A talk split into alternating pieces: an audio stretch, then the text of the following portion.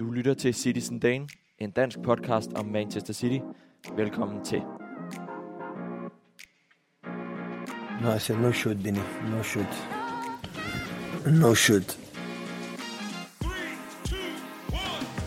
Manchester City are still alive here. Balotelli, Aguero!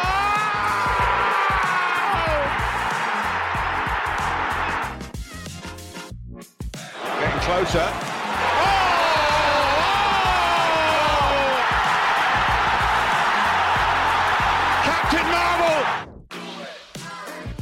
He was a smart. Don't follow my, my thoughts. Et fortjent nederlag til mesterskabsrivalerne fra Arsenal, og pludselig så har Manchester City nu tabt to Premier League-kampe i træk for første gang siden 2018.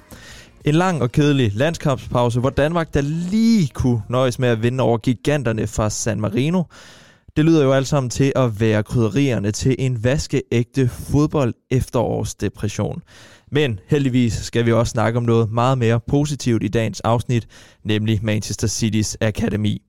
Mit navn er Frederik Berger, og det er en fornøjelse at byde jer velkommen til landets eneste podcast om Manchester City. Velkommen til Citizen Dagen. Med mig i studiet har jeg mine to faste, trofaste følgesvend, Lukas Vorgård Jebsen.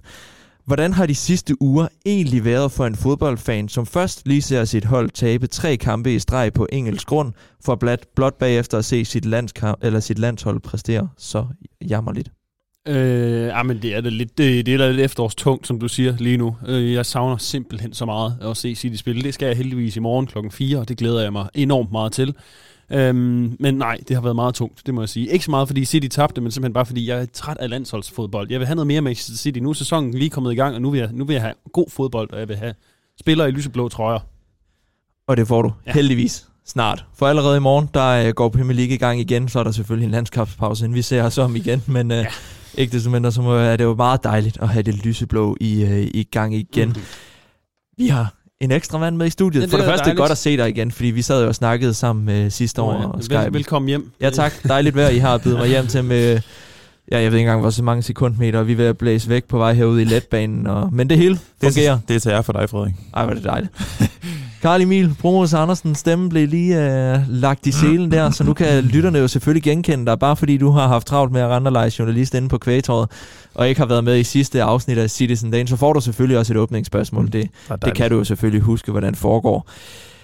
Først og fremmest, dejligt at have dig med igen, Karl Emil. Tak. Spørgsmålet lyder, har det egentlig været godt eller dårligt for Manchester City, at landsk- landskampspausen faldt efter tre hjemlige nederlag i streg? Det tror jeg er meget... Øh, det ved jeg jo ikke. Altså, det, det skal, har jeg ikke forudsætning for at mene, eller for, for at vide, men, men umiddelbart vil jeg jo mene, at det er en positiv ting lige at kunne få det lidt på afstand, komme tilbage, samle sig selv og kigge hinanden i øjnene igen og starte ikke helt på ny, men øh, alligevel lidt på ny for at sige, okay, nu har vi lige været i en stime, der ikke har været tilfredsstillende. Nu hanker vi op i, op i os selv og, øh, og viser, hvad vi, er, hvad vi er lavet af, og hvad vi, hvad vi bør kunne gøre. Så det, jeg, jeg håber, at det er et positivt tidspunkt. Det er jo en spændende diskussion, fordi vi hører mange, blandt andet Arsenal-fansene, der er lidt træt af, at nu har de endelig besejret Manchester City, og så skal holdet lige 10 dage på, på ferie, landsholdsferie, ikke? Ja. Hvor, de skal, hvor de skilles ad. For Manchester City kan det jo omvendt måske være meget rart, men hvis man, man kender jo Pep Guardiola dårligt, hvis man ikke tænker, at han var ret frustreret over ikke at have dem på træningsbanen efter det knap så gode præstation i, i London og mod Arsenal. Ja, altså, det, jeg tænker, du har ret, og jeg tænker, jeg tænker, tænker uanset hvad, øh, så har det måske også været øh, tid til, at Pep lige har kunne øh, sætte sig ned og, og overveje, hvad der skal ske, og, og, og alle spillerne. Jeg tror måske, når man er inde i en dårlig time, er det meget rart lige at få det på afstand, lige at kunne se det udefra, lige at være i andre omgivelser, for så at komme hjem til øh, Manchester og til Etihad, og, og på en eller anden måde forhåbentlig kunne øh, ja, lige, lige, lige steppe op et niveau eller otte, ikke? Der skal i hvert fald mere end et niveau til, fordi det sidste, vi har set fra Manchester City, har bare ikke været godt nok så kort, kan det siges. Og det kommer vi til at snakke meget mere om lige om lidt. Inden da, på en endnu mere positiv note, skal vi skynde os at sige tusind, tusind tak til de nu 34 medlemmer, der er af Citizen Dane, som støtter vores arbejde. Det kan simpelthen ikke beskrives, hvor meget det betyder, og vi håber, at mange flere, flere vil være en del af vores lille hjemmestrikkede fællesskab her. Du kan blive medlem af Citizen Dane for blot 20 kroner om måneden, så støtter du vores arbejde med podcast, artikler og forhåbentlig mange flere kommende arrangementer. Derimod så får du 10% øh, hos dine, på dine køb hos vores samarbejdspartner Unisport og automatisk deltagelse i alle vores konkurrencer. Heriblandt en, der er oppe at køre lige nu, Karl Emil. Ja, hvis man lige har øh, fulgt en lille smule med her midt i øh, landsholdsdepressionen, skulle jeg til at kalde den, øh, så har vi jo offentliggjort en konkurrence, som udløber i morgen klokken 15, hvor du simpelthen kan vinde, øh, jamen, jeg skulle til at sige, vores øh, lynhurtige, øh, selvfølgelig er det, det er fyldt med lyn, og Jack Grealish er også lynhurtig på det billede, jeg valgte til, øh, men vores lynhurtige tredje trøje, øh, som, øh, som, som jeg jo egentlig synes er meget fed, altså fede detaljer. Sindssygt fed og det er jo lige præcis øh, på grund af vores kære venner fra Unisport, at vi kan få lov til at komme med denne her konkurrence. Så hvis man vil være deltage i den, så øh, skal man øh, ind på Facebook, find øh, opslaget, eller hvor end du øh, får dine Citizen Dane-nyheder henne, og så kan du øh, få et link, hvor blive medlem. Er du allerede medlem, så er du med i konkurrencen, og som jeg sagde, 34 medlemmer. You can do the math. Der er relativt okay chancer for at vinde i forhold til alle mulige andre konkurrencer, man deltager i. Så kan man undvære en flad 20'er til et City-fællesskab og muligvis en øh, tredje trøje, så synes jeg, man skal ind og øh, deltage. Og vi trækker lod i morgen inden ja. Ja. kampen mod Ja. ja. Brighton. Og der, Klokken 15. ja, og der skriver du selvfølgelig bare ud, hvem den heldige vinder er. Fordi så glæder vi os til at se billeder af en øh, fremtidig lytter, der kan se lige så hurtigt ud, som Jack Grealish gør på, øh, på der vareprodukt. Ja, brillerne kan jeg ikke facilitere, men Nej. trøjen kan jeg er leveringsdygtig i. Fedt. Ind og øh, meld jer ind i Citizen Dane forhåbentlig. Så øh, er der en trøje på vej til en heldig af vores medlemmer. Ja. Vi skal også huske at starte med at sige tak til dem, der har støttet os i længst tid, nemlig den skandinaviske Manchester City Fanklub. De har sagt ja til at støtte os endnu en sæson, så vi fortsat også kan lave podcast og artikler til jer.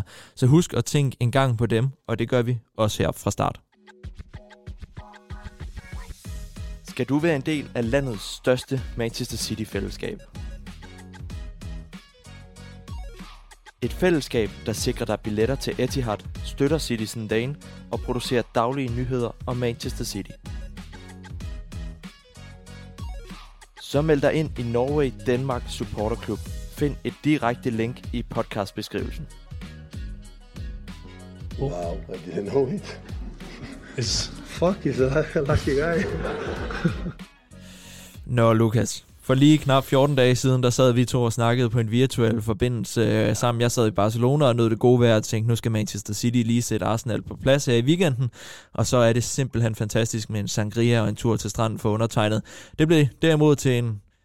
Jeg vil godt lægge øh, hovedet på blokken og sige, at jeg synes, det var en rigtig dårlig præstation fra Manchester City og et nederlag til, til Arsenal. Arsenal, der for første gang i guderne skal vide, hvor lang tid øh, formår at slå Manchester City. Hvad var det for en kamp, øh, Manchester City var igennem der, hvis du ikke har glemt det allerede? Øh, ja, men det er jo lang tid siden, kan man sige. Men øh, altså, jo, det var ikke en god præstation, og det var, man, det var meget øh, mindre, end man havde håbet på. Øh, jeg synes egentlig, man kan sige, hvis man var sluppet afsted derfra med 0-0, så, så kan man sige, så var planen egentlig lykkedes. Øh, det gjorde man så ikke på grund af det her trælse mål her til sidst, men, øh, men nej, det var undervældende. Vi, vi regner med mere fra Manchester City, men det er lidt en periode, vi er inde i lige nu, hvor, hvor, det, helt, hvor det ikke rigtig kører, som, som vi gerne vil have det, men øh, det må vi så tage med. Altså, det, jeg synes, går den, så går den, og det gjorde den så ikke her. Øh, jeg synes egentlig, at øh, det var okay at spille på en uafgjort egentlig. Øh, med, Synes med de, du det? Ja, det synes jeg, med, med, de, med de mangler, vi nu havde i truppen. Øh, men at det så ikke lykkedes, det er så, hvad det er. Øh, det, jeg synes ikke, det er en katastrofe, det snakker vi også om i sidste podcast. Det er ikke afgørende for titelræset, hvem der vandt den kamp. Så jeg er ikke,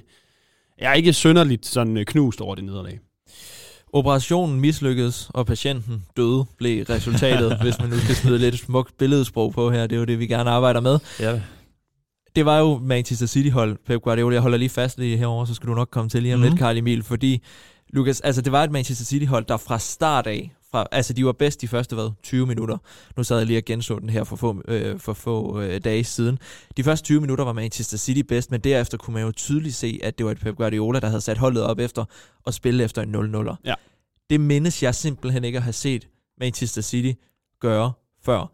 Og, og hvis de ikke har gjort det før i de 7-8 år, Pep Guardiola har været der nu, hvorfor pokker skulle de så kunne gøre det på den sværeste udebane i, i Premier League? Jamen, det er jo en rigtig god pointe, og det er også derfor, man kan sige, at, at det var måske det var, det var det forkerte udgangspunkt at have, fordi det er ikke sådan, Manchester City spiller. Altså, udelukkende på den her ene kamp, så kan jeg godt forstå, at det var det, man gjorde. Men du har jo helt ret i, det har vi aldrig set City gøre før, og mod så svær en modstander. Er det så det, man skal prøve?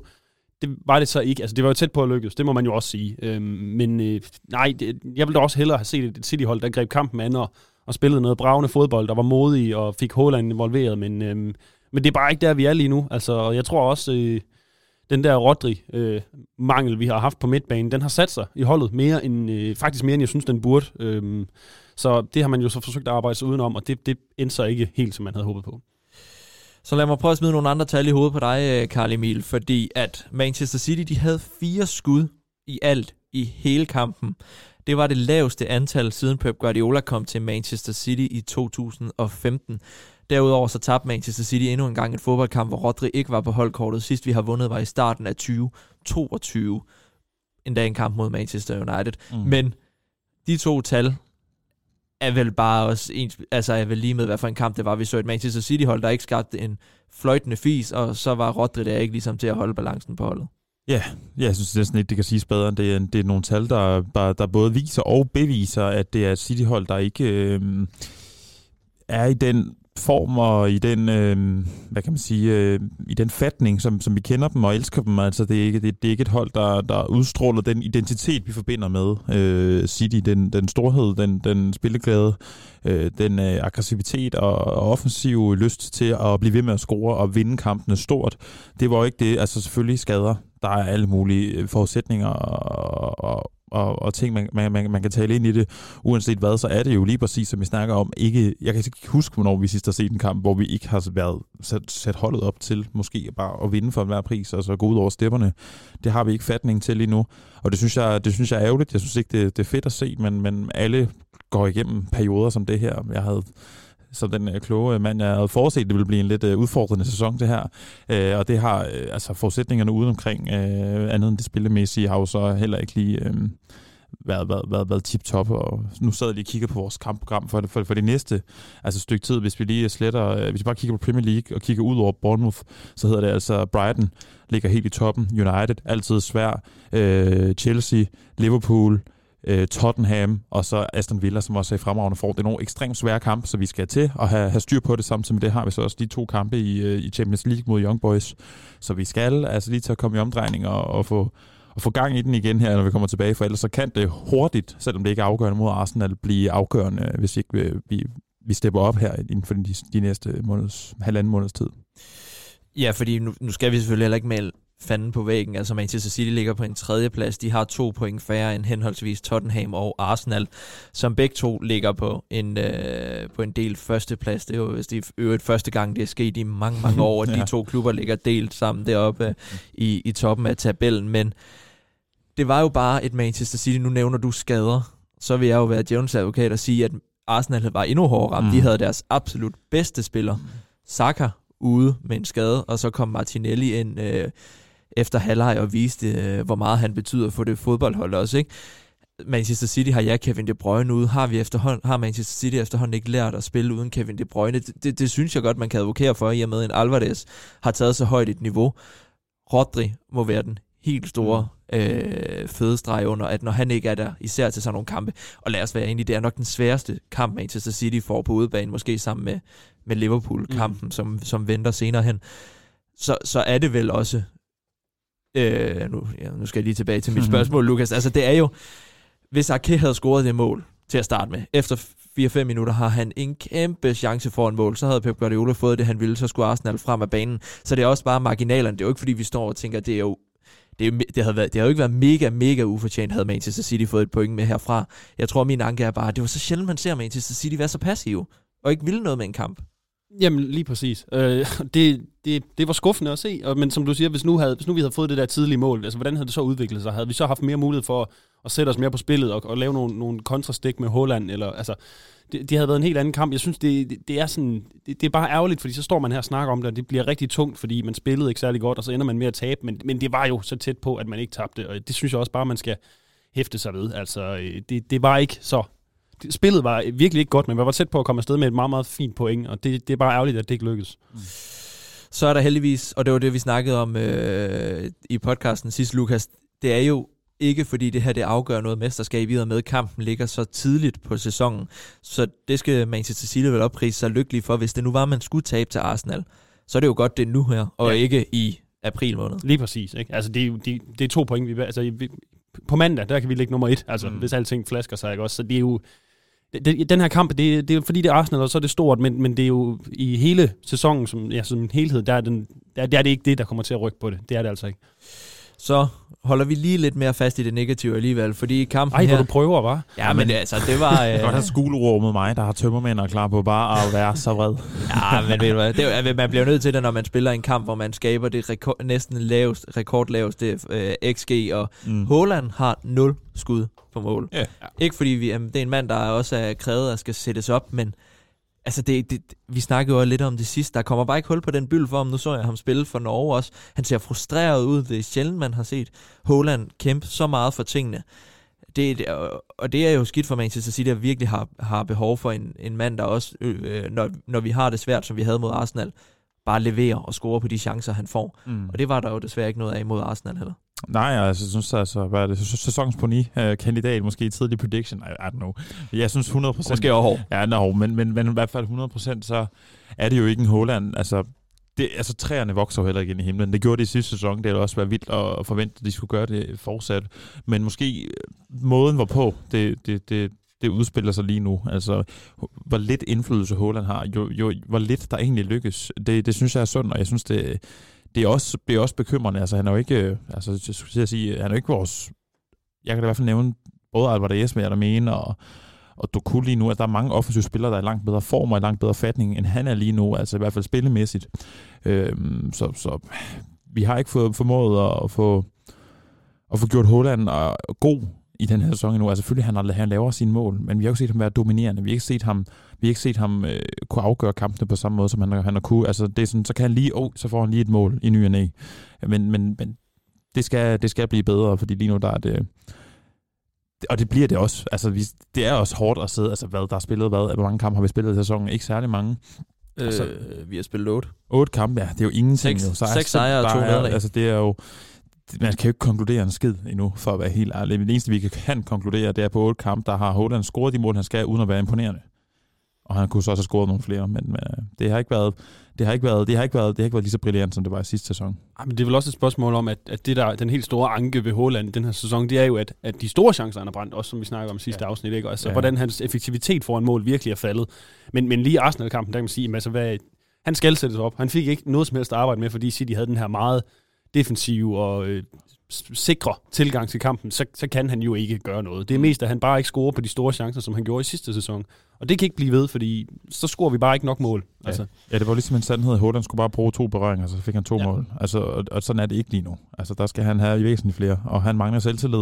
Og det gør han også for Norge, og det gør han i det hele taget. Og det kan også være holdet, der smitter af, men øh, det, skal nok, øh, det skal nok blive bedre. Og så mangler han sin bedste legekammerat. Ja, ja, selvfølgelig. øh, og det spiller også ind. Altså. Kevin De Bruyne, som jo øh, så et billede af ham, øh, hvor han havde været på stranden et eller andet sted, og der stod han altså skarpt skåret ud. Okay. Så, øh, så rygterne, nu ved jeg ikke lige, hvordan status står til med skaden på ham, men, men forhåbentlig han kommer før øh, snart. Altså, Ja. før tilbage end det, øh, som lægerne først og fremmest havde Hvornår, sat i hvornår, øh, hvornår udkig. regner man med? Ja, altså han står til en gang i januar og skulle være øh, Okay. klar til, til hvad hedder det, kamptræning igen. Ja. Okay. Men øh, hå- forhåbet er jo, at de kan få ham lidt før i gang. Ja. Men øh, Krydser.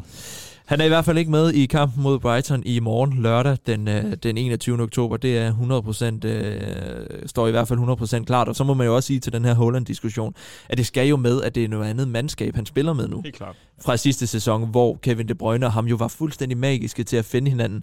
Det, som man ikke kan se på tallene ved Kevin De Bruyne nu, det er, hvor meget plads han skaber til Alvarez, hvor meget plads han skaber til Foden.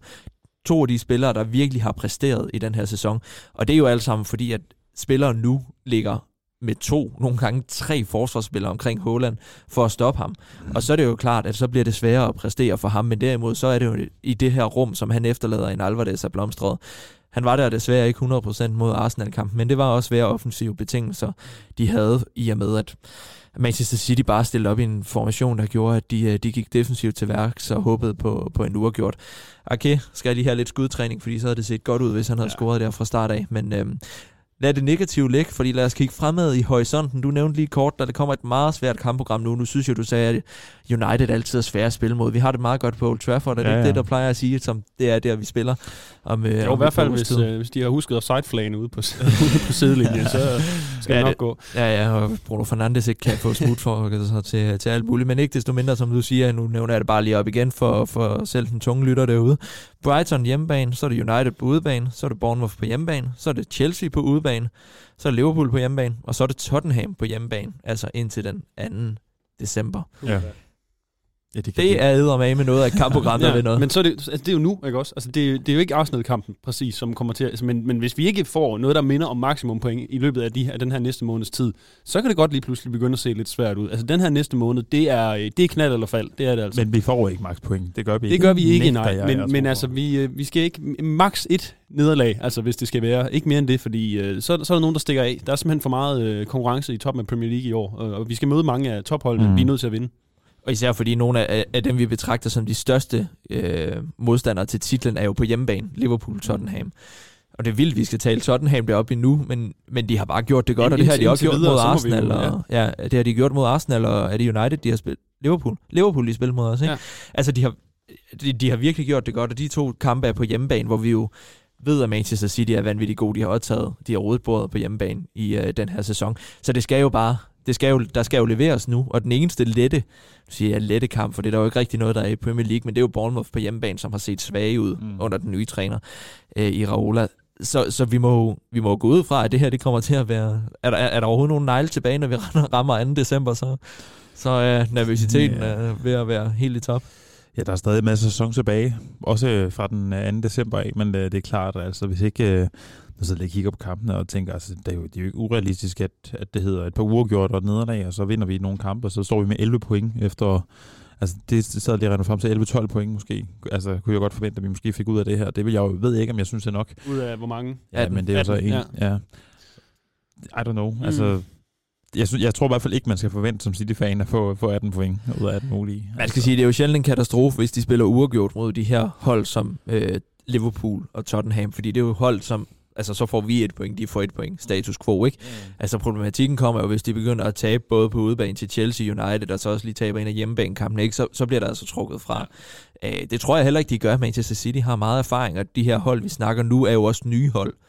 Altså, som har mindre trupper, end Manchester City har. Altså Tottenham, og nu siger jeg nye hold, fordi de, har, de, de skal Mm. mm. til at, at genfinde sig selv, ikke? Liverpool skal også til at genfinde sig selv lidt Mm. med en helt ny midtbane. United har set virkelig skræmmende ringe ud. I, øh, der er en målmandspost der, der også kan udfordres, men Derbys er altid bare ja, sin det- egen kamp. Det, det, det, det, det tror jeg ikke, man kan sige noget som helst om, hvor dårlige de har været, og så konkludere, hvordan det bliver, når vi skal møde dem på Old Trafford. Det, det bliver ikke nemt, det tror jeg ikke. Der er i hvert fald nok nogen, der sætter sig op til, at det er nærmest øh, den vigtigste kamp i sæsonen, at få lov til at slå Manchester City på hjemmebane. Det Derfor. kunne godt tænkes, ja. det må blive øh, konklusionen. Det, det kommer til at blive spændende. Ja. Det kommer til at blive neglebidende. Man skal, man skal, ja, lad være med at klippe neglene, fordi ellers så, så har du ikke nogen tilbage. Der skal være noget tykke på. Der skal være noget tyk på. Det, er, det bliver konklusionen her. Manchester City pt. på en tredje plads på, øh, på, på øh, snakkende status er den 20. oktober kl. 13.36. Manchester City har vundet seks kampe, tabt to kampe. De to kampe, der er blevet tabt, er simpelthen blevet tabt i streg for første gang siden 2018.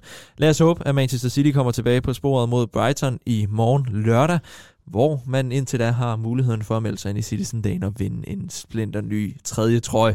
Sindssygt fed, den skal jeg nok også have fingrene i på et eller andet tidspunkt. Men noget andet, der er sindssygt fedt, det er nemlig det, vi skal til nu. Bonnie. Bonnie. Bonnie. Will Ferrari, the fuck is... Will Ferrari, botany. And Flamsey gets it through, and a chance on here for Uwe Rosler. And City have taken the lead. Uwe Rosler goes to take the acknowledgement of the delighted hordes of City supporters.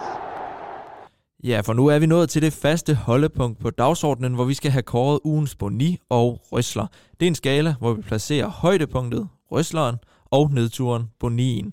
Lukas, skal vi ikke lade Karl Emil starte nu, når han Jo. endelig er kommet tilbage? Meget gerne. Jeg synes, det er så hårdt at, blive, at få den her midt i en landsholdspause. Så jeg, øh, uh, hvad skal, jeg kan give bonien til mig selv over, som ikke kunne dukke op øh, sidst. Nej, øh, det er også ondt, ondt når du har arbejdet. ja, det er, u, det er u, utaknemmeligt. Jeg synes, det er hårdt, jeg skal starte. Jeg, øh, Nu plejer Lukas altid at starte, så får du lov. Mm, Har du ikke noget? Altså, jeg har, jeg har faktisk ikke tænkt, tænkt så meget inden, for at være helt ærlig. Jeg sad og tænkte sådan, nej, ved du hvad, okay, jeg, ved du, hvad, jeg giver min røsler til... Nej, jeg, jeg giver den, jo, jeg giver det til nyheden om, at jeg tror, at Calvin Phillips smutter til december. Eller til, til, til i vintervinduet. Han vil gerne... Øh, jeg har faktisk fint med, hvis vi slipper af med ham. For vores Skal- eller hans skyld? For vores skyld. Og Ja. for hans skyld. Jeg tror, det er en win-win situation. Altså, jeg tror ikke... Øh, det lyder meget Danish. Det skal jeg ikke. Men øh, altså, jeg synes, nu så jeg også et klip fra hans, øh, fra hans øh, seneste kamp for England. Altså, det, det ser sgu ikke godt ud. Altså, han spiller ikke særlig god fodbold. Og selvfølgelig er der også en mand, der mangler kamptræning. Men øh, jeg, jeg, jeg tror, jeg, jeg har mistet troen og håbet og øh, kærligheden, og øh, hvad end der skulle være til de smukke lårben, der render rundt på, øh, på Calvin Phillips. Altså, jeg, jeg, jeg, jeg, jeg, tror ikke på, at han lykkes øh, for City mere. Han vil gerne have, have, fod, han vil gerne have regulær fodbold, og det tror jeg, jeg tror ikke, han kommer til at få i City. Så øh, ja, jeg tror for alles bedste for nogle, øh, for nogle kroner og øre ind for ham, øh, imens, vi, øh, imens vi kan. Og, øh, og så, øh, ja, det, synes, ja, det, det, vil, det vil være mit bud på faktisk en positiv nyhed. Hvem skal så spille sekser? Rico Lewis? Ja. Yeah. Ja. Jamen, jeg har ikke lavet nogen dybdegående analyse af det. Det var lige det, jeg følte, Frederik. Okay. Jamen, det er en spændende diskussion, fordi at, at hvis du hører alle fra Manchester City snakke, så er, er Calvin Phillips vanvittigt populær. Altså, alle elsker ja. at have ham i, i omklædningsrummet, og der er jo ikke en, der ser ondt på ham, men han har bare ikke leveret i de kampe, han kommer ind. Mm. Og guderne skal vide, at dem, der lytter nogenlunde fast til det her program, ved jo også, at jeg har et eller andet blødt punkt på, for ham, fordi han taler åben omkring psykiske problemer med at lige pludselig at komme Ja. til Manchester City, og hele den her skyggeside, der også er ved professionel fodbold. Og det synes jeg er så fedt, og han har så meget karisma. Mm. Men det er jo klart, at det er en mand, som både for hans egen og for Manchester City skyld, måske skal han lejes ud. Ja. Altså for at få noget fast spilletid et eller andet ja, sted, men- og så men- komme tilbage. Men når han så kommer tilbage, ser du så stadig en fremtid i City? Altså ser du... Altså, Hvis hvad, han kommer ud og får indtryk af, at nu er jeg god nok, nu rammer jeg et eller andet, så kan jeg komme tilbage. Han bliver jo aldrig så god, at han, han slår verdens bedste sekser Rodri af. Nej. Men jeg synes, at han er lige så god som at have... Altså, ja, ja han er da et kæmpe talent, øh, hvad hedder øh, Rico Lewis, men han er da, altså, Mm. Calvin Phillips, Calvin Phillips rammer han bare 90% af sit niveau, så er han da bedre sekser end Rico Lewis. Ja, det er selvfølgelig... Jamen, det, det er Også fordi han har noget fysisk, han har noget fysisk presence. Ja. Det har, det, har, det har vores andre spillere bare ikke. Ja. Altså, så har vi Kovacic og Rico Lewis, men dem kan selv du og jeg jo skubbe øh, til side med en skuldertakning. Ikke? Nu skal du lade mig over, overvurdere os, tror jeg. Ja, men altså, ja, men altså overdrivelse frem og forståelse. Jeg men forstår, kan du du følge mig? Ja, okay, jeg, jeg, jeg har lige lavet, jeg laver en switcher nu. Jeg laver den om til min boni. Som om, at jeg bare ikke tror, at han kommer til at lykkes. Jeg, Ja. tror, jeg tror ikke på det der legeprojekt, uh, Fata Morgana, du er i gang med at og, og, og, og fløjte dig selv ud i. Jeg tror, jeg tror, at det her, det, øh, jeg tror, det her bliver de sidste måneder i uh, City for um, Calvin Phillips, og det må stå som en af de dårligste indkøb i de seneste par år. Skal Manchester City så ud og købe en ny sekser? Hmm, øhm, Skal Lavia tilbage til sommer måske? Nej, nej, nej, nej, nej, nej, det gider jeg Nå ikke. nej, han er sgu da i Chelsea Han nu. i ikke? Han er Chelsea jo skiftet. Jeg ved, jeg ved faktisk ikke, hvem der vil Nå, ja. skulle tage over for den sekser position, for at være helt ærlig. Altså, Maxim Perronje, han er han, og jeg ved ikke engang, om han spiller han. Jo, jo, jo han spiller. Nej, han sekser. Las Palmas, Han spiller Las Og han er Palmas. sekser. Nej, han er 8 Nej. eller 10. Det kan godt at vi skal ud og have en ny sekser så. Eller håbe på, jeg ved ikke, om vi har nogen, øh, nogen, nogen, nogen smukke knejde, der render rundt nede på ungdomsakademiet, der kunne komme op. Øh, men øh, Det er jo bare svært at gå ud og købe, fordi hvem vil købe, hvem vil sige ja tak til at komme og få en stensikker øh, indskiftningsplads? Altså, du, du er bare på bænken, når Rodri spiller. Ja. Øh, jeg Så er synes, det jo jeg, synes, det er jeg, jeg ved ikke, hvad vi skal gøre. Jeg tror bare, at det godt kunne blive de sidste måneder for Calvin Phillips City. Det er mit indtryk. Det, det tror jeg. Jeg Det tror, at når, når, vinter, når vintervinduet er over, så, så tror jeg ikke, han er at finde på gæstelisten, skulle jeg til at sige, uh, truppelisten. jeg kunne godt have et lille håb om, at han bliver lejet ud, og så kommer tilbage, og så genfinder sig selv. Ja. Men, fair. Det var dine uh, boniser. Har du så noget at rose? Og ja, så jeg, har, jeg roser bare. Nu, nu kommer jeg bare til at tænke på Rico Lewis. Jeg roser sgu bare Rico Lewis. Jeg synes, han spiller pisse godt. jeg synes, han har spillet godt på det seneste. Jeg synes, han har kunne være alle sine præstationer bekendt øh, fra start til slut. Jeg synes stadigvæk, at han blev ved med at imponere mig. Så jeg giver den sgu bare til Rico Lewis. Fedt at stå og finde på på åben mikrofon. Yes. Lukas. Jamen, øh, det, bliver, det bliver nogenlunde lige så tyndt, tror jeg. øh, nej, men det, jeg læste her forleden, at øh, både Real Madrid og Barcelona, de begyndte sådan at snige sig rundt omkring på Etihad Stadium med kikkert og kigge rigtig godt på Julian Alvarez og tænke, oh. ham der, ham vil vi gerne have fat i. Og det er jo en, øh, det er en boni, fordi det skal de ikke. Ham skal vi have fat i, eller beholde. Røsleren er så, at han ingen øh, frikøbsklausul har i sin kontrakt. Så øh, hvis der er nogen, der skal noget som helst, så bliver det en meget, meget dyr omgang. Øh, plus 100 millioner pund eller sådan noget, vi skal have for Julian Alvarez. Men øh, det er klubben selv, der bestemmer, om han skal nogen steder. Værsgo, det var tyndt, men Og det skal han ikke. det skal han ikke. Ja, det skal helt sikkert blive. Så, øh, men det var bare sådan, jeg blev sådan lidt, øh nej, nu kommer Barcelona og Real Madrid, og det er jo svært for specielt øh, Sydamerikanske... sydamerikanske spillere at sige nej til det, men, ja. øh, men Julian Alvarez har det jo rigtig godt i Manchester City lige nu, er man jo ikke rigtig i tvivl om. Øh, så han bliver ikke bare lige fisket lige pludselig, og det er jo det er rigtig godt. Og han har en lang kontrakt. Han har altså, en lang kontrakt. Så det bliver, det bliver virkelig... Det bliver dyrt. Ja. Ja. Fremragende. Øh, det, det var Røslund. Det var Røsland. At han, han, at han ikke, øh, Bonin er, at de, de lurer rundt, Nå, og så, okay, bliver man lidt, så bliver jeg lidt nervøs, og så er Røslund så, at de kan ikke bare komme og, og hente ham. Altså, det, øh, det bliver ikke en billig omgang, så Okay. ja, ja. Det, var, det var godt. Fremragende.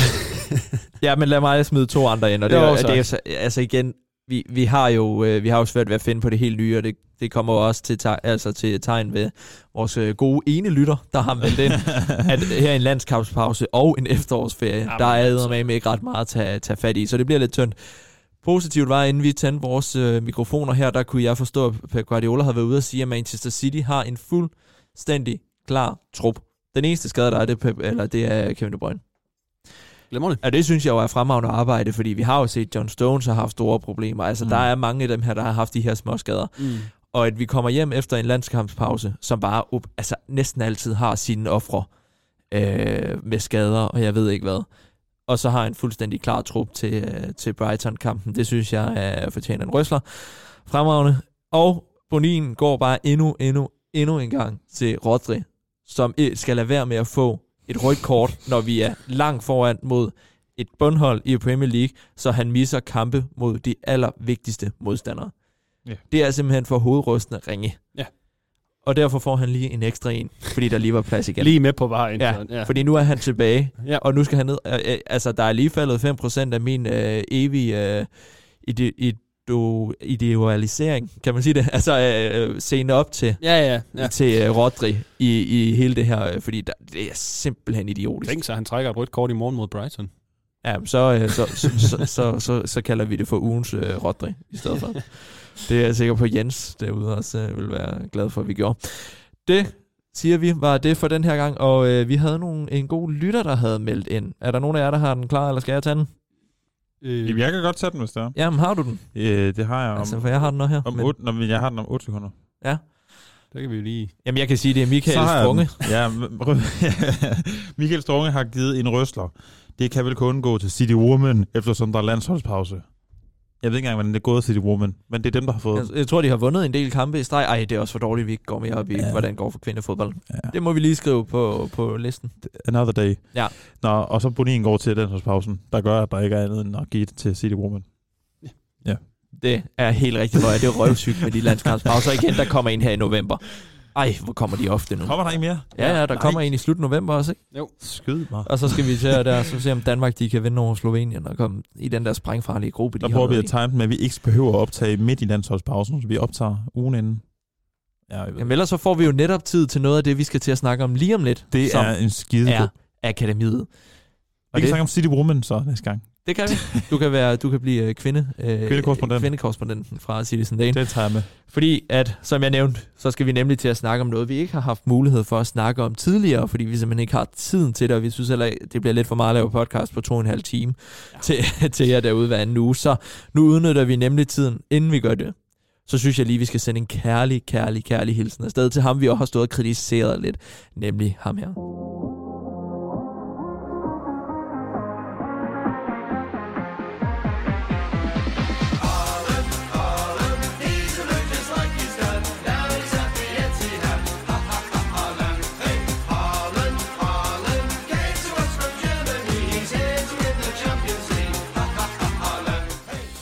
Ja, fordi kritiserer vi, så skal vi selvfølgelig også huske at give klap på skulderen. Ved du hvad, vi skal bare have nogen til at spille den der for ham. Så man kommer sgu da i godt humør. Han får da al selvtillid tilbage, hvis, han, hvis vi bare blæser den der ind i omklædningsrummet. Ja. Så tror jeg, Jeg at han tænker er ikke, klar han hører igen. Citizen Dane her. Mm, nej, men han burde jo egentlig kunne forstå det, så det er faktisk lidt for dårligt, hvis Jamen, der er han ikke fa- faktisk mange nordmænd, der siger, at det er svært at forstå dansk. Nå, okay. Jeg tror, det er lidt lettere. Jeg kan så skrive under på, at det er også svært at forstå norsk. Men Det er rigtigt. Nå, drenge, vi skal til noget helt andet. Det er for lang tid, vi er tre det, vi har bruger været, tiden på lige nu? har været i studiet sammen, fordi der sidder nok nogen derude nu og tænker, øh, hvorfor kommer ugens lytter ind på det ikke? Det gør det også netop nu her, fordi vi har dedikeret den anden halvdel af afsnittet i dag til at øh, vende det, som Anders Lassen skrev ind til os for nogle uger siden. Han skrev nemlig, at han synes, det var værd at bruge noget tid på at snakke lidt mere i dybden om den talentfabrik og ikke mindst forretning, der er på Manchester City's akademi. Så, Lukas Walker Jebsen, det gør vi jo. det gør vi. Vi yes. lytter til vores lyttere, og det er det, vi bruger vores Yep. yep. tid på nu. Lukas, vil du ikke lige starte med at forklare mig, hvad er det for et akademi, der render rundt over i Manchester? Åh, oh, det er et meget overordnet spørgsmål, Ja. synes jeg. øh, kan vi konkretisere det lidt mere, eller hvad? øh, Skal vi bare Hvordan er akademiet i Manchester City? Jamen, det er et kæmpe akademi, der, øh, ja, nu dykker vi bare ned i det, der øh, fik en ordentlig overhaling, øh, efter klubben blev, øh, blev købt af Sheikh Mansour, og man byggede et, øh, et helt nyt, øh, alt muligt akademi til øh, to, 200 millioner pund øh, i 2012, tror jeg, det stod færdigt, hvis ikke jeg husker forkert. Det blev indvidet Øh, i 14. Nå, indvidet i 14, okay. Startede vist i 12. Nå, det var sådan, det var, ja.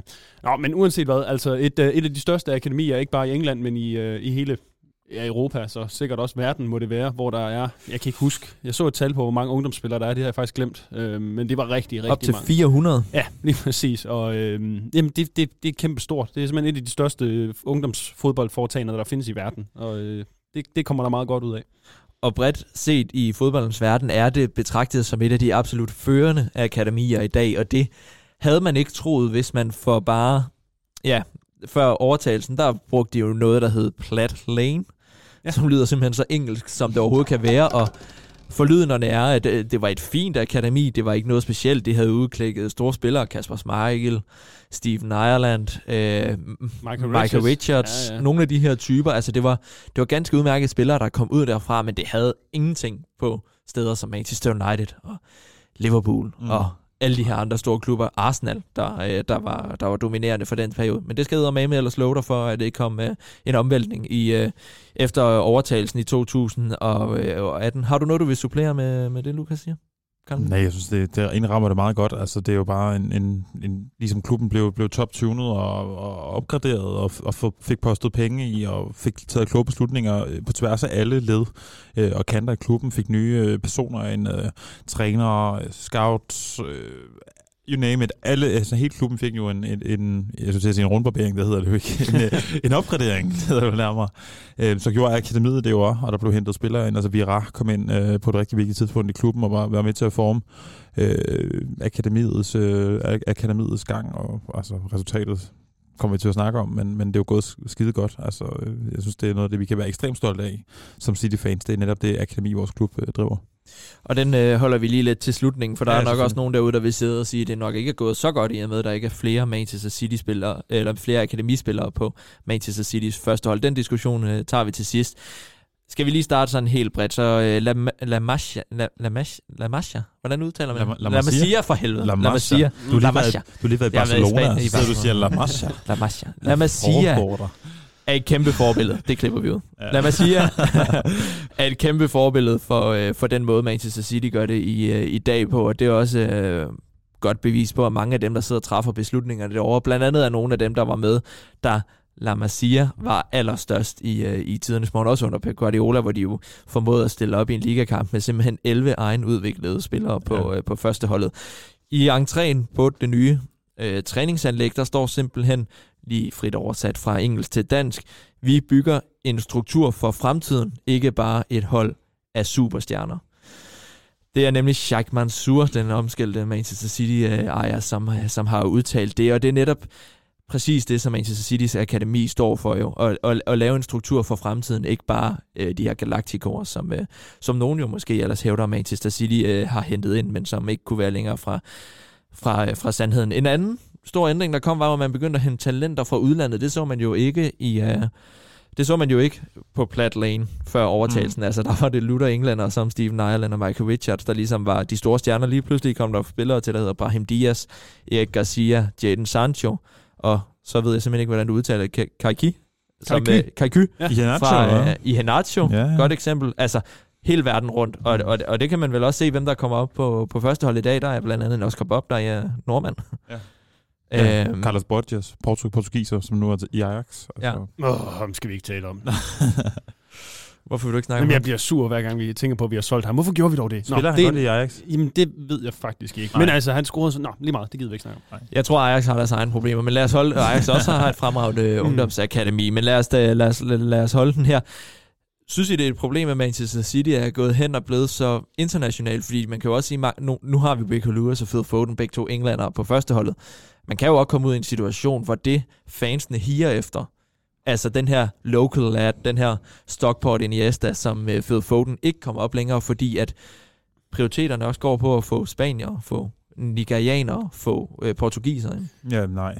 Øh, det er jo ikke en udfordring, synes jeg. Det er heller ikke noget, jeg ser noget sted. Altså, når jeg kigger på de spillere, der kommer frem lige nu, så er det jo, eller de spillere, der kommer frem de seneste år, så er det Tommy Doyle, det er Liam Delap, det er Cole Palmer, det er Rico Lewis, det er nu det er ham der, øh, Harrison, et eller andet, vi har købt fra United. Øh, det er alle mulige forskellige spillere af forskellige støbninger, som, som er britter. Så er det klart, at vi har en masse udenlandske talenter, men, men, men altså, grundessensen er jo stadigvæk de britiske spillere, øh, og det ser jeg da ikke noget øh, tegn på at skiftes ud, så altså, det, ja, jeg ser det slet ikke som et problem. Og der skal nok blive ved med at komme dygtige øh, lokale talenter øh, Klart. til Manchester City, som, som nok også skal, skal, som nok skal komme langt op. Altså, det er, jo, det er jo svært at spille sig på Manchester Citys hold. Ikke også? Altså, Mm. det, det er ikke alle, der kan det. Det er der faktisk ikke særlig mange, der kan. Men hvis man går rundt over omkring Etihad øh, på en eller anden normal hverdag, øh, så kan man også se, simpelthen, jeg ved ikke hvor mange øh, unge mænd, fyre, øh, piger, der går rundt i, i træningstøj og, og er ude og købe ind i den lokale supermarked og sådan noget, der kommer direkte fra træning, og de, langt de fleste af dem, hvis man hører dem tale, så er det altså, så er de fra området, så der er masser af fokus på, at man også skal bruge de lokale talenter, og at de også skal, skal hvad kan man sige, hjælpes så meget som muligt til, til at blive gode fodboldspillere, men det er klart, man er også nødt til at, at scoute internationalt, fordi det er sådan, man, man skaber den succesforretning, som Manchester City's akademi er blevet til. Og så kan man vel opvente den om at sige, at der er jo nok, at det er påfaldende, at de to, der er de største eksempler på, at kunne gå fra akademiet til førsteholdet, begge to er englænder, Ja. og begge to er lokale. Ja. Altså det er jo netop fordi, at de nok også har den der ekstra motivation til at skulle spille på Manchester Citys førstehold, fordi de har set Manchester Citys førstehold spille hele livet. Det er der jo endnu flere unge mennesker, der gør i dag, fordi Manchester City er blevet så dominerende. Men det var der jo ikke da du og jeg voksede op som børn, der var jo der, der var ikke ret mange, der så Manchester City før 2008, og før de blev rigtig relevante op i 10'erne. Ikke? Altså, det, det, er jo, det er jo bare en anden øh, hverdag, og, og, det vi har rendet på første hold nu, er bare Rico Lewis og Phil Foden, mm. Som de bedste eksempler. Ja, ja, men man kan også sige, det, det, det kommer vi også til at tale lidt mere om, den der røde tråd, øhm, som der er gennem, altså fra måden at spille på. Det er selvfølgelig ikke det samme, man gør på førsteholdet, som man gør nede på U10, men det er lidt det samme, man sigter efter at gøre. Og, og jo mere det bliver sådan integreret, og jo flere ungdomsspillere, der, der forstår den måde at tænke fodbold på, jo tidligere, jo bedre, jamen altså, så, så har de jo nogle bedre forudsætninger for, at- for at spille med øh, på et højere niveau, forhåbentlig øh, helt op på førsteholdet på et tidspunkt. Og lad, lad os da bare prøve at fange den, du siger der, fordi Anders han uddybede i sit spørgsmål, at øh, ikke blot har vi flere, der er trådt ud på den store scene, vi ser også, at Citys unge akademispillere i høj kurs i andre klubber, blandt andet fordi den filosofi, de er opfostret, opfostret med, er meget efterspurgt. Både sportsligt og økonomisk er det imponerende, det der foregår. Altså netop det her med den sportslige, den røde tråd, der er nede igennem øh, truppen. Lad mig lige smide en ekstra ind, inden du får en Mm. Carl Emil. Fordi efter Pep Guardiola indtog holdet, der har der jo nu siger du, at de spiller ikke på helt samme måde som Manchester Citys første hold, men det er jo det, de tilstræber. Mm. Ham, der er en gut, der hedder Mark Allen. Han var akademichef i Manchester City indtil 2017.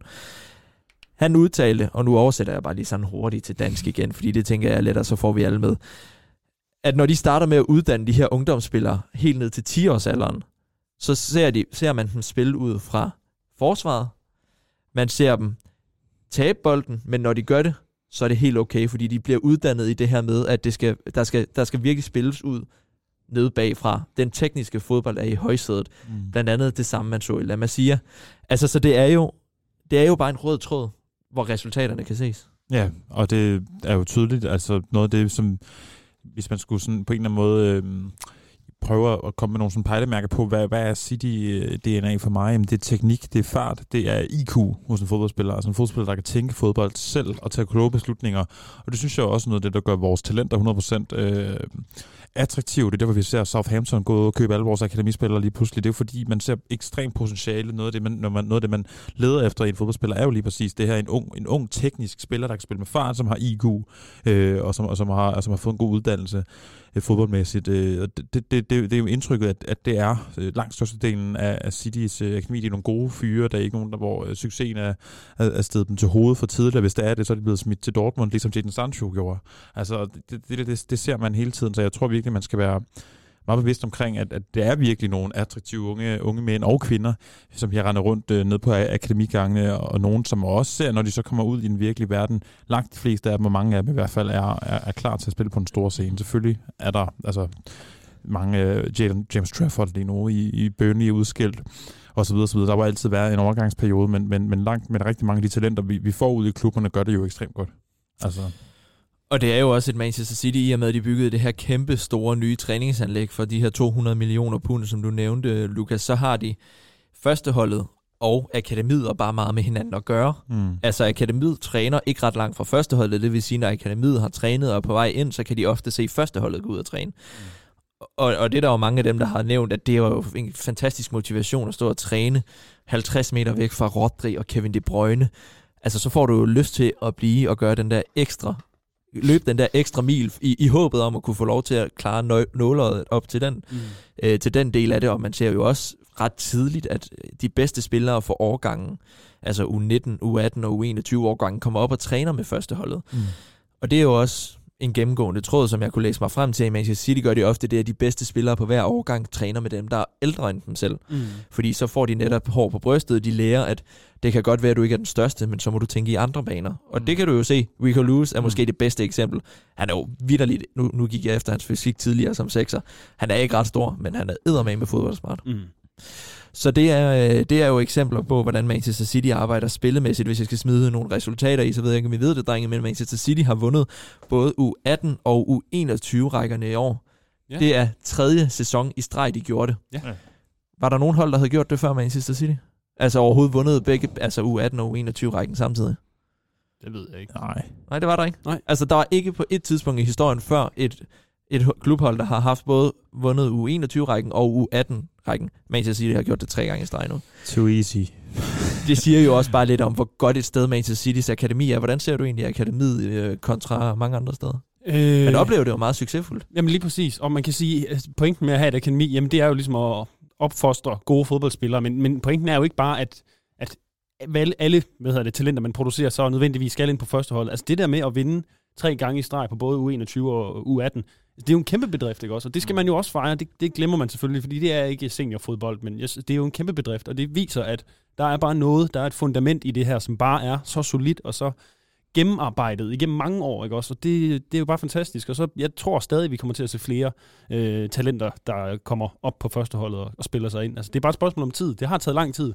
Nogen vil sige for lang tid, men det er jo på vej. Det ser vi. Det kommer. Man skal jo så også være ærlig at sige, at det her det er blevet rullet ud i 14, var det vi blev enige om. Ikke? Der, der Ja. stod det klar til ligesom at kunne gå i gang med at arbejde. Så det er Men faktisk kun ni år siden. Det er ni år siden. Ja. og så skal man jo huske på, at sådan en spiller som Phil Foden har jo ikke nødvendigvis haft de her redskaber at arbejde med hele tiden, fordi han var jo Manchester City før 2014 Mhm. mm. også.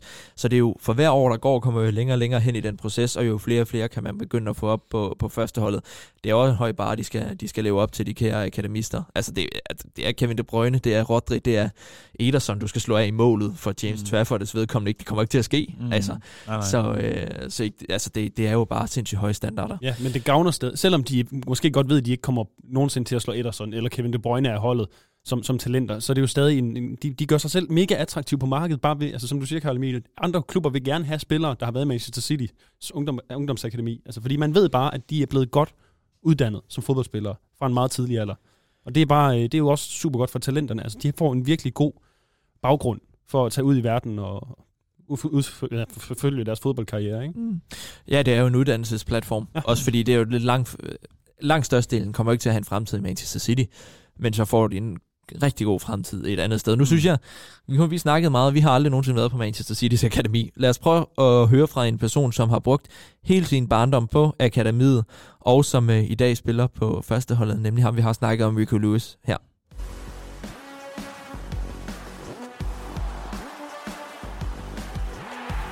I first came for a trial in un, right at the end of under sevens basically, and then I got signed just before under eights. So how was that kind of experience like? Um, junior academy, foundation phase. You've, you've been for the whole thing. How was, Yeah. What's that? been? I think it's probably the best thing to go for everything. Like you see different parts of football, you see different players. Like it's probably the best thing to just go through it and like you've got something back to look out on and see like your progress through the years. And obviously, I'm not the tallest, but yeah, I remember obviously because m- most of the time back in the youth, uh, when I was in the academy, I was captain, and obviously, I'm sure this guy was uh, their striker or something like that, and obviously he was the captain and he was massive, and you can see my face. Boy. I'm just like looking at him like you're not my age. It happened all the way through academy really. When I was 14, I was playing 15 sometimes when I was 15, 16 and stuff like that. And I think uh, the exposure to uh, older people when you're younger, it just makes you play better really because you have to play quicker. So then if you can play quicker all the time and you don't have to think about oh he's older than me or he's bigger than me, then it just flows better and it's just like it's in you. So I think playing much older people and stronger people, it can only do good for you, really. And I think that's going to help a lot, since obviously there will be bigger people than me throughout my career anyway. So I think it's going to help right until the end of my career.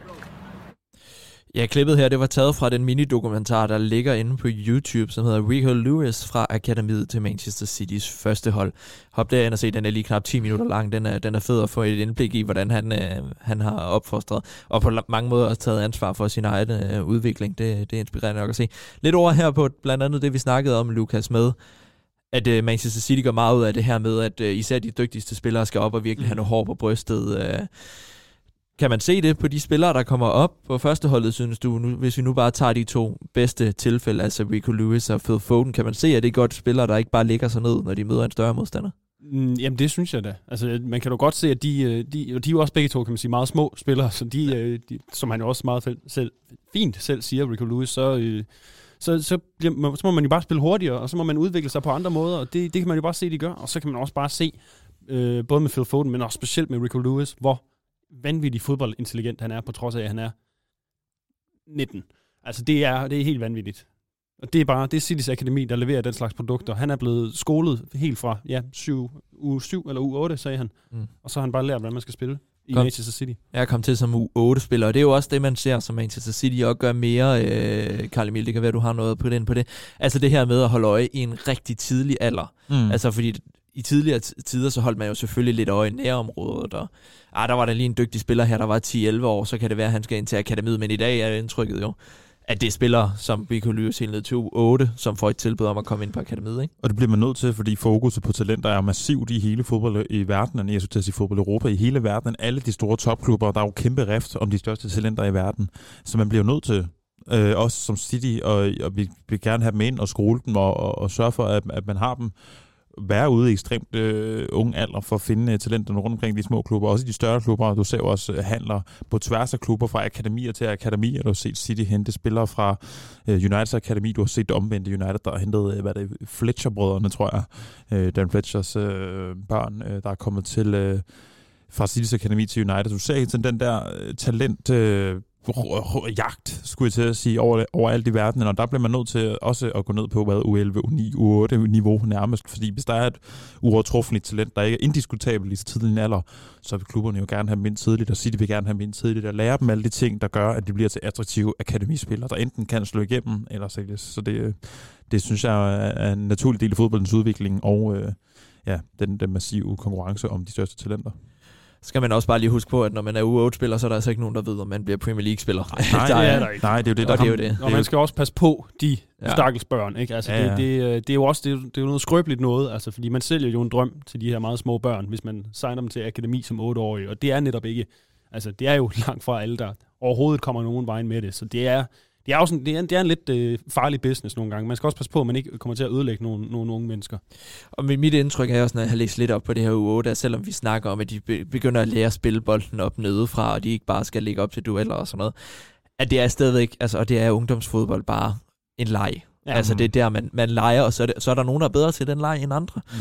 Og dem, der er gode til den leg, de spiller så øh, høj, ofte for Manchester City, men jeg tror også, ja, nu, nu googlede jeg mig bare lidt frem i research på, at vi skal stå og sidde og snakke om det her, der kom jeg da ind på et sted, at jeg kunne at hvis jeg havde et barn, der var i aldersgruppen 6-10 eller sådan noget, så kunne man komme over og spille med i Manchester Mm. City, og altså du kunne melde dit barn til sådan noget fodboldskole ja, Ja, et eller andet, ikke? hvor du så kan komme over og få, få dit barn til at være en del, og det kan de lokale jo også.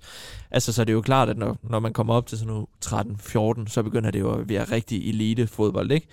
Men, øh, men jeg, mit indtryk er også, at Manchester City er gode til at tage dem ret tidligt, men også husker lejen på. Og det gælder vist alle de store øh, akademier, fordi ellers så får du ikke nogen gode fodboldspillere, hvis det bliver professionelt fra uge 8. Nej, nej, det er jo Altså. klart. Det er jo, det er jo en lejr, det er jo børn. Og, Ja. ja. og, mit indtryk er også, både når man ser videoer derfra og læser om det, at det er noget, der bliver taget højde for, som du siger. Altså det er jo, det er, det er jo ikke, øh, det er jo ikke fordi, de skal sidde og lave øh, vanvittige øh, øvelser, som de laver på første holdet, øh, mens de knap nok er, har lært at skifte, øh, at gå på toiletter selv nu, skulle jeg til at sige. så, Ja. ja. sådan, så, så, De har jeg lige tror, fået blæn af. jeg tror, jeg, jeg tror, jeg tror uanset hvad, så mit indtryk er jo, at der bliver passet godt på de, på, på de små burke. Øh, det bliver man jo nødt til i en professionel fodboldverden, for ellers er der ikke nogen, der gider sende der, deres børn dertil. Nej, så skal man jo også huske, der var en sag, og nu har jeg glemt hans navn, men med en ung gut, der jo øh, simpelthen fik en, altså, som var en talentfuld fodboldspiller jo, som fordi at øh, der havde været så meget pres på og stress på, og lige fra en ung alder jo endte med at begå selvmord, mente jeg, han gjorde ikke, hvad var det han havde han været i, det var da Sterling og sådan nogen, der også øh, fremhævede ham, en engelsk øh, talent, øh, nu kan jeg ikke lige huske det, men, øh, men i hvert fald en, en, en ungdomsspiller, en talentfuld ungdomsspiller, som havde været en del af det her akademisystem, I City? Øh, jeg kan simpelthen ikke huske, om han havde været i City. Det tror jeg ikke, han havde. Jeg kan ikke huske, hvor han havde været, men han blev så opsagt. Altså, han fik ikke sin kontrakt forlænget, ligesom der sker for så mange. Og så står man lige pludselig der, Mm. øh, og endte med at øh, og desværre øh, tage sit eget liv.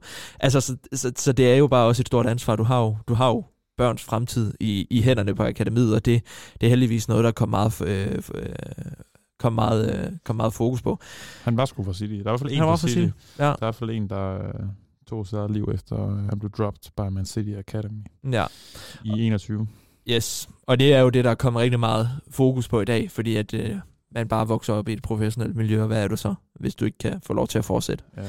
Så, øh, så det var en lidt tungere en af dem. En anden, en anden vinkel, jeg godt lige kunne tænke, inden vi går over på debatten omkring hele det her med forretningssiden af det, Lukas. Så ser man jo også Manchester City være rigtig, rigtig gode til det her med at bruge førsteholdet. Både på den måde, at vi ser jo ofte Rodri og Ruben Dias være nede, så, så er de lige med til en træning og står og sparker lidt rundt og sådan noget, så, så, så ungdomsspillerne får, får, får lidt kontakt med dem, men man ser jo også en kompagni var nede og prøver at træne lidt, Mm. imens han var øh, spiller. Ja, Det samme var Gündogan, Ja, Gündogan inden han også, ja. stoppede, ikke? Øh, I, I forbindelse med, at jeg mener, at han skulle tage sin pro-licens som, Mm. øh, som træner, fordi det er noget, han gerne vil. Det, det, det er jo også en fremtidssikring for akademiet, at man på den måde sørger for, at en største spiller også får et godt indtryk af, hvordan det er at være træner, og måske i fremtiden kommer tilbage til Manchester City. Ja, men det er jo sådan full circle nærmest, ikke også? Og det, er- det er bare, det, det, er sådan, det er et sundhedstegn, at øh, man har de her som kompagni eller Gündogan, som får lov til at, at tage nogle licenser, eller at øve sig lidt på at være træner i Manchester City øh, ungdomsrækker, og de her ungdomsspillere, de, de, de falder jo helt på, på bagdelen over at få lov til at blive trænet af Mm. nogle af de største stjerner, så det er bare, det, det går jo op i en højere enhed. Det er bare perfekt. Det er nemlig perfekt. Måske vi ser, øh, Kompagni er jo den, der lige nu er længst i og med, at Gündogan stadigvæk spiller nede i Barcelona, men jeg har store forventninger til, at Gündogan også kunne blive en rigtig god, øh, en rigtig god træner. Der ligger ja. også videoer derude, hvor man kan se hans træningspas med, var det u 19 eller u 17, han var med dengang, tror jeg. Så det er, det er spændende. Lad os prøve at gå lidt mere til forretningen, fordi nu kan jeg så blive kritisk og sige, gør Manchester City det virkelig godt nok, når man ser, hvor mange, mange penge de bruger, og hvor få spillere de så får op, Lukas. Hvad vil du svare mig? Øh, de, jamen, jeg synes jo, altså, jeg synes, det er en okay balance. Jeg vil også gerne have flere ungdomsspillere op på førsteholdet, men, men altså, Manchester City er jo et, nu et sted, hvor vi går efter at vinde alle trofæer hele tiden. Og, og så, der, så er der bare ikke plads til, øh, til alt for mange ungdomsspillere, som måske ikke helt har niveauet. Altså, det er de bedste i verden, der skal spille for Manchester City. Og derfor så, så, så er der ikke så mange, der, der får muligheden for at komme derop. Men, men det er jo også en forretning. Det er jo også en måde at tjene penge på. Altså, City har jo tjent, jeg tror det var 450 øh, millioner pund, siden man øh, åbnede her i, i 14, ikke også? Altså på salg fra akademispillere. Det, det har jo tjent sig selv en dobbelt gang to og lidt mere til. Det, det er akademi på, på bare ni år, ikke? Og øh, det, det er jo enormt mange penge, man kan bruge på, på transfer sidenhen, så jeg synes, det er en fin balance. Altså, der kommer unge talenter, og nogle af dem får også chancen. Altså, vi har, ja, Lewis, Foden, og så Palmer, der lige er blevet solgt for 45 millioner pund, ikke? Altså, de kommer. Det, det er ikke så ofte, men de kommer op, og ellers så, kan man, så bliver de sendt ud i verden for rigtig mange penge, med en rigtig god baggrund. Og så kigge på nogle af de andre store hold, som du, du er lærer med her. Altså bare Arsenal, vi spillede mod forleden. Ja, de har Saka og Nketiah. Men I, i, hvor mange hold i, i toppen af Premier League har spillere af egen avl. Altså det er et par stykker, man har. Måske Mm. 3-4, men, men heller ikke mere end det. Og så kan man så selvfølgelig sige, at, at, investeringen er jo hurtigt tjent hjem, når man får en Phil Foden, når man får en Rico Lewis, fordi hvis de to spillere skulle sælges nu, bliver de ikke gjort det for under 500 millioner danske kroner, vel? Nej. Altså, vi, vi er jo deroppe og snakke, og, og så lad os da bare prøve at smide nogle tal i puljen og sende den over til dig, Carl Emil, fordi siden Guardiola tog over i 2015, der har Manchester City solgt for hvor mange penge? Har du lavet din research? Jeg har ikke lavet den research i hvert fald. Øh, det er sat med et øh, godt spørgsmål. Skal jeg komme? Øh, I 2016, sagde du? Er det kun fra akademispillere? Eller Ja. er det, okay, jamen, nå. Jamen, okay, det er så at sige 4, 5, 6, 7 år. Jeg siger øh, 400, 350 millioner euro. Du skulle have holdt 445 millioner pund. Jamen, det var det, jeg sagde lige før. Ja. Nå, godt er der nok. blevet solgt Ja. ja. for, siden Manchester City tog over. Eller så, altså- siden uh, Pep Guardiola tog Ja, ja, over i Det er Manchester sådan, City. ja, ja. Og hvem er så top 3? De tre dyreste? Ja. Nu, nu laver vi lige lidt Siden quiz. 16. Øh, direkte fra akademiet. Nej, altså ikke direkte. De kan godt have haft en, en, en førsteholdskarriere også. Øh, Cole Palmer. Ja, han er førstepladsen. Ja. Ja. 45 millioner pund. Øhm, jeg kan ikke huske, hvornår Sancho blev solgt. Er med? Mm. Øhm, Iheanacho. Ja, ja, Nacho, ja. Iheanacho er på en anden plads. 25 millioner pund. Øhm, James Trafford. Lavia. Lavia 22 millioner pund på en tredje plads. Det er 45 445 millioner pund. Jeg har ikke engang gjort mig den, altså jeg har ikke engang regnet om, hvad det er i danske kroner. Det er jo fuldstændig absurd. Og Ja. hvis vi så sammenligner med, at Manchester City godt nok har brugt over 1 milliard, eller undskyld, over 1 milliard pund, siden Pep Guardiola også tog over, så kan man jo få et, et indblik i, hvor essentielt et værktøj det her er. Det er altså lige, lige knap halvdelen af de penge, som Manchester City har brugt på førsteholdsspillere. Det kommer simpelthen ned fra akademiet. Ja, det er jo voldsomme sager, faktisk. Ja. Så øh, det, det er vel også bare et bevis på, det kan godt være, at vi ikke øh, får øh, en Phil Foden om året Mm. for hver overgang, men derfor er det jo stadigvæk vigtigt for Nej, men så har vi penge til at købe Holland eller et eller andet i stedet for. Altså det, man kan virkelig ikke øh, undervurdere, jeg synes ikke, det bliver talt nok om øh, sådan i generelle fodboldmedier, hvor dygtige City er til at, at, at sælge ungdomsspil, udvikle og sælge ungdomsspillere, fordi det er jo en massiv bunke penge, man har tjent på øh, ingen tid, altså. Og så står det i kontrast til klubber som især United, der står værst til. De har jo ikke kunne sælge. Altså, de har virkelig ikke solgt for ret mange penge. Mm. De har brugt rigtig mange penge, Ja, ja, men de har ikke solgt for rigtig mange penge. Der har Manchester City jo trods alt alligevel, blandt andet med takket være akademiet, formået at holde sit net spændt. Altså det her financial fair play, mm. altså noget, som de som, øh, som er en debat i sig selv, ikke? men altså alligevel formået at holde den nogenlunde nede, fordi vi netop har akademiet, og dygtige spillere, som ryger for så mange penge. Jamen, det er det, og det er jo en, en, en forretningsmodel, der jo lige præcis gør, øh, og øhm, hvad kan man sige, øhm, for profetien, eller hvad kan man så sige, øh, som Sheikh Mansour har skrevet smuk på væggen, altså, altså man, man, bygger, man bygger en struktur, ikke bare for nutiden, men for fremtiden. Det er jo lige præcis det, det her det er. Det er jo en måde, hvorpå man både bliver ved med at poste talent ind i, ind i sin egen trup, og, og talent ud i fodbold Europa med frikøb, eller med videresalgsklausuler, og tilbage, klau, tilbagekøbsklausuler, og, og så de her rendyrkede salg, som er virkelig, virkelig er med til at finansiere forretningen. Så det er jo en, øh, en, en vanvittig klog måde at skabe en bæredygtig fodboldklub på, som jo City er lykkes med på rekordtid.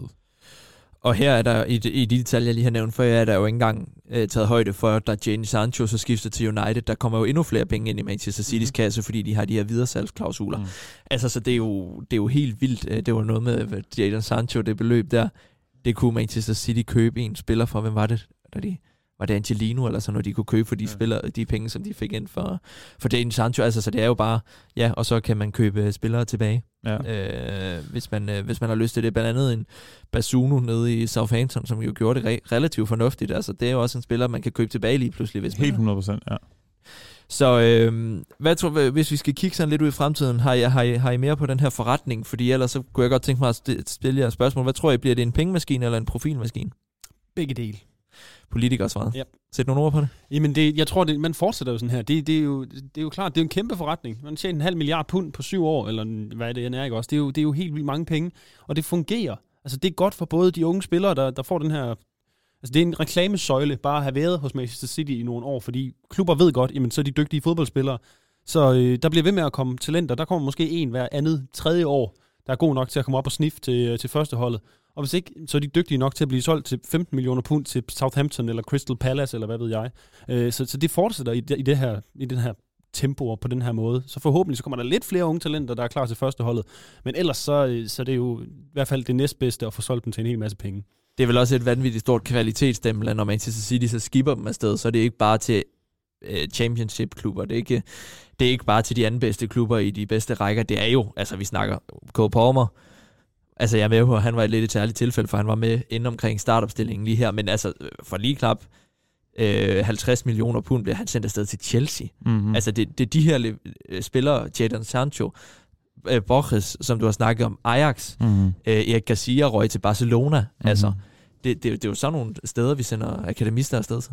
Jeg er ret sikker på Bino Gittens, der render rundt i Dortmund, øh, som er Ja. kæmpe talent. Jeg er ret sikker på, at han er faktisk også øh, City... Øh, Ja, han er over fra City's Akademi. Ja, altså Ja. Der, vi har simpelthen så meget talent rendende rundt derude. Vi har Frimpong, øh, der render rundt i Leverkusen, og Mm. øh, blandt de bedste hollandske øh, backs, verdens talentfulde backs. Altså, vi har simpelthen så mange spillere, der render rundt, som har, som har kommet igennem det her akademi, så altså, det, er, det, det er kvalitet, der udmyndter sig. Altså, ja. Så får du samme spørgsmål, eller svar, spørgsmål, og så skal du give mig et svar. Mm. Det, det, det er også efterårsferie lidt for mig, ikke? Mm. Mm. Er det en profilmaskine eller en øh, pengemaskine? Jamen, jeg vil, det, det bedste, det, det, altså det, det fedeste svar ville være, at det var det bedste for alle, alle verdener, og det, man fandt den magiske midt men altså mest af alt tror jeg, det kommer til at blive en, en, en forretning, altså en, en profitmaskine mere end en profilmaskine. Altså jeg tror, øh, jeg tror, det bliver en måde at tjene penge på, og selvfølgelig er der et par få, der, der er klart noget ind i sit egen øh, trup, men øh, jeg, jeg, tror mere, jeg tror mere på, at, at jeg tror mere på, at øh, øh, jeg, jeg synes, altså fodbolden er jo er så udsekset og så kommer- kommercialiseret, og og der kommer til at være mindre og mindre plads til, til akademispillere, men, men jeg håber, at øh, det bliver en profilmaskine. Jeg tror mest på en profitmaskine. Man kan Profitel. Profil. Profil? øh, copyright, Lucas Moore. Man kan jo også vente den om at sige, at det bliver jo kun en pengemaskine den dag, det rent faktisk også bliver en profilmaskine. Fordi hvis du skaber profiler, kommer der penge. Ja. Altså, Mm. så kan det godt være, at det ikke er en profil for Manchester City, men så kan det blive en profil for, nu nævnte du genstandet i, Ja, ja, i, i Dortmund, ikke? Ja. Nøj, han har også gode spidskompetencer. Præcis. Altså, det, det er sådan en spiller, som, som røg afsted allerede efter uge 19. Jeg tror lige, han var oppe på snif til uge 21. Mm. Men det er også et tegn på, at når Dortmund de skal finde fremtiden for deres første hold, så kigger de på Manchester City's akademi. Mm. Fordi det har de gode erfaringer med. De ved, hvad for en spiller de får. Øh, og det er jo det samme for championship-klubberne. Leicester. Altså, og, og en ting er også, vi skal slet ikke snakke alt det personale, der ryger ud af Manchester City til store stillinger, Mm. Fordi at de har været på Manchester City's akademi. Patrick Vieira, der røg ud og være cheftræner. Ja. Øh, hvad hedder han nu? Øh, ham der er nede i Leicester, som er skiftet, startede jo også og havde noget med akademiet at gøre, for så at ryge op til Pep Guardiola for at ryge videre. Den tidligere akademichef fra Manchester City er også et eller andet andet kæmpe sted i dag. Mark Allen, jeg har henvist til tidligere, Mm. er ligesom alle andre i Saudi-Arabien, men havde indtil da været i Celtic og alt sådan noget som fodbolddirektør. Ja. Det er bare et kvalitetsstempel. Ja. Og, øh, og det bliver det også med at være i fremtiden, så længe der bliver postet de samme penge i det i hvert fald. Det tror jeg ikke, vi skal være bange for. Det tror jeg nemlig heller ikke. Ja, det afhænger jo lidt af, hvordan Manchester City's fremtid udvikler sig. Man Ja. kan jo også sige, men, men det er også et indblik, at Manchester City er gode til at proppe penge i ungdommen. Altså, det er jo ikke bare fordi, at de lige gør det en gang imellem, når de lige synes, det er nødvendigt. Det er, det er en stor prioritet i klubbens økonomi. Ja, og der bliver også, det går også lidt under radaren, også selvom man uh, følger meget med i City og transfer og alt muligt. Så der bliver også købt en hel masse unge spillere fra alle mulige forskellige steder i verden, flere gange om per sæson, ikke? også til, Mm. til små millionbeløb, øh, som man måske ikke lige lægger mærke til. Men altså, det, der, der bliver brugt penge, og der bliver tjent penge hele tiden på det. Det gør der nemlig. Har I noget øh, på faldrebet her, gutter? Nej, jeg så, øh, at øh, der har været, jeg ved ikke, hvilket medie det var, der skrev det, at øh, Guardiola skulle have sagt til nogle Brighton-spillere efter en kamp i sidste sæson, øh, enten i den her sæson, eller i sidste sæson, men er parret over på, de i Serbia har sagt, øh, that's the next Manchester City manager. Øh, det er der masse øh, britiske medier, der, der bringer i dag. Øh, en, en detalje fra, jeg ved ikke, Daily Mail, eller hvad fanden det var, der havde, der havde det, men det synes jeg bare var en spøjs detalje, at Guardiola selv skulle have sagt til Brighton-spillerne, det er det næste City-træner. Okay. Ja, ja, men det debatterede vi jo for to podcast siden, Ja, ja, ja. der skulle vi har være... kaldt den. Vi har ja, kaldt den. Ja, ja. Ja. ja jeg er Det så var- vant til, at de møder bare i Leverkusen og Xabi Alonso, så kommer, ja. kommer mit bud på banen der. Nå. Fremragende. Har I mere omkring akademiet eller noget på Nej. faldrebet? Nej. Så synes jeg, at vi skal skynde os, inden vi siger tak for i dag, lige at henvise til, at vores gode tidligere medvært her på programmet, øh, Johannes Christensen, havde jo en fremragende artikelserie, som ligger inde på citizendane.com om netop, om netop akademiet og hele den udvikling. Den er fra øh, juli og august 2022, så hop ind på vores hjemmeside der, så kan I, øh, så kan I læse meget mere om det her, hvis I, hvis I gerne vil nørde lidt videre i det, ellers kan jeg, kan jeg kun anbefale at gå ind på øh, øh, nettet og bare søg Manchester City Academy, så kommer der et hav af gode artikler frem, øh, som ligesom giver et øh, dyk ned i, i det her, vi har forsøgt at gøre jer en lille smule klogere på nu, kære lyttere. Lukas Vorgård Jebsen, tak for i dag. Tak. Hvor er det godt at være tilbage igen. Nej, det bliver godt at se fodbold i morgen, hva'? Ja. Uh, Det bliver så skønt. Karl Emil Brumos Andersen, fantastisk at se dig igen. Tak fordi jeg måtte komme igen. Kan du love vores lyttere, at du er med øh, så meget, du nu engang kan, nu Det- når du er blevet travlt journalist? Det er, stop med at sige det hele tiden, men jo, det er, det, det er, det er, jeg lover, at jeg skal nok gøre alt, hvad jeg kan for at få øh, hovedhale og fodbold og Citizen Dane til, og det hele til at hænge sammen. Det. Perfekt. Så slipper vi for at smide flere bonier efter dig. Ja.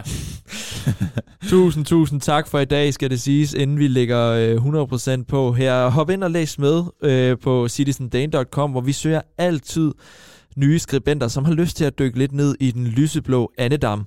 Og kan du lide det, vi, na- det, vi laver her, så hop gerne ind og giv os en, øh, en lille anmeldelse, så øh, endnu flere kan se, hvad det er, vi laver her. Så prik da lige din City-kammerat på skulderen og sige, at der er altså noget, der hedder Citizen Dane, og som kører for fjerde sæson i træk, og vi har ingen planer om at stoppe. Kan I have en rigtig god weekend, når I kommer dertil, og god kamp mod Brighton.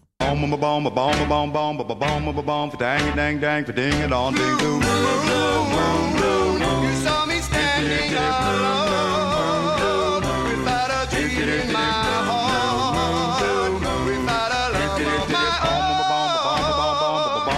dong, fa dang dang dang, fa ding a dong ding, blue moon.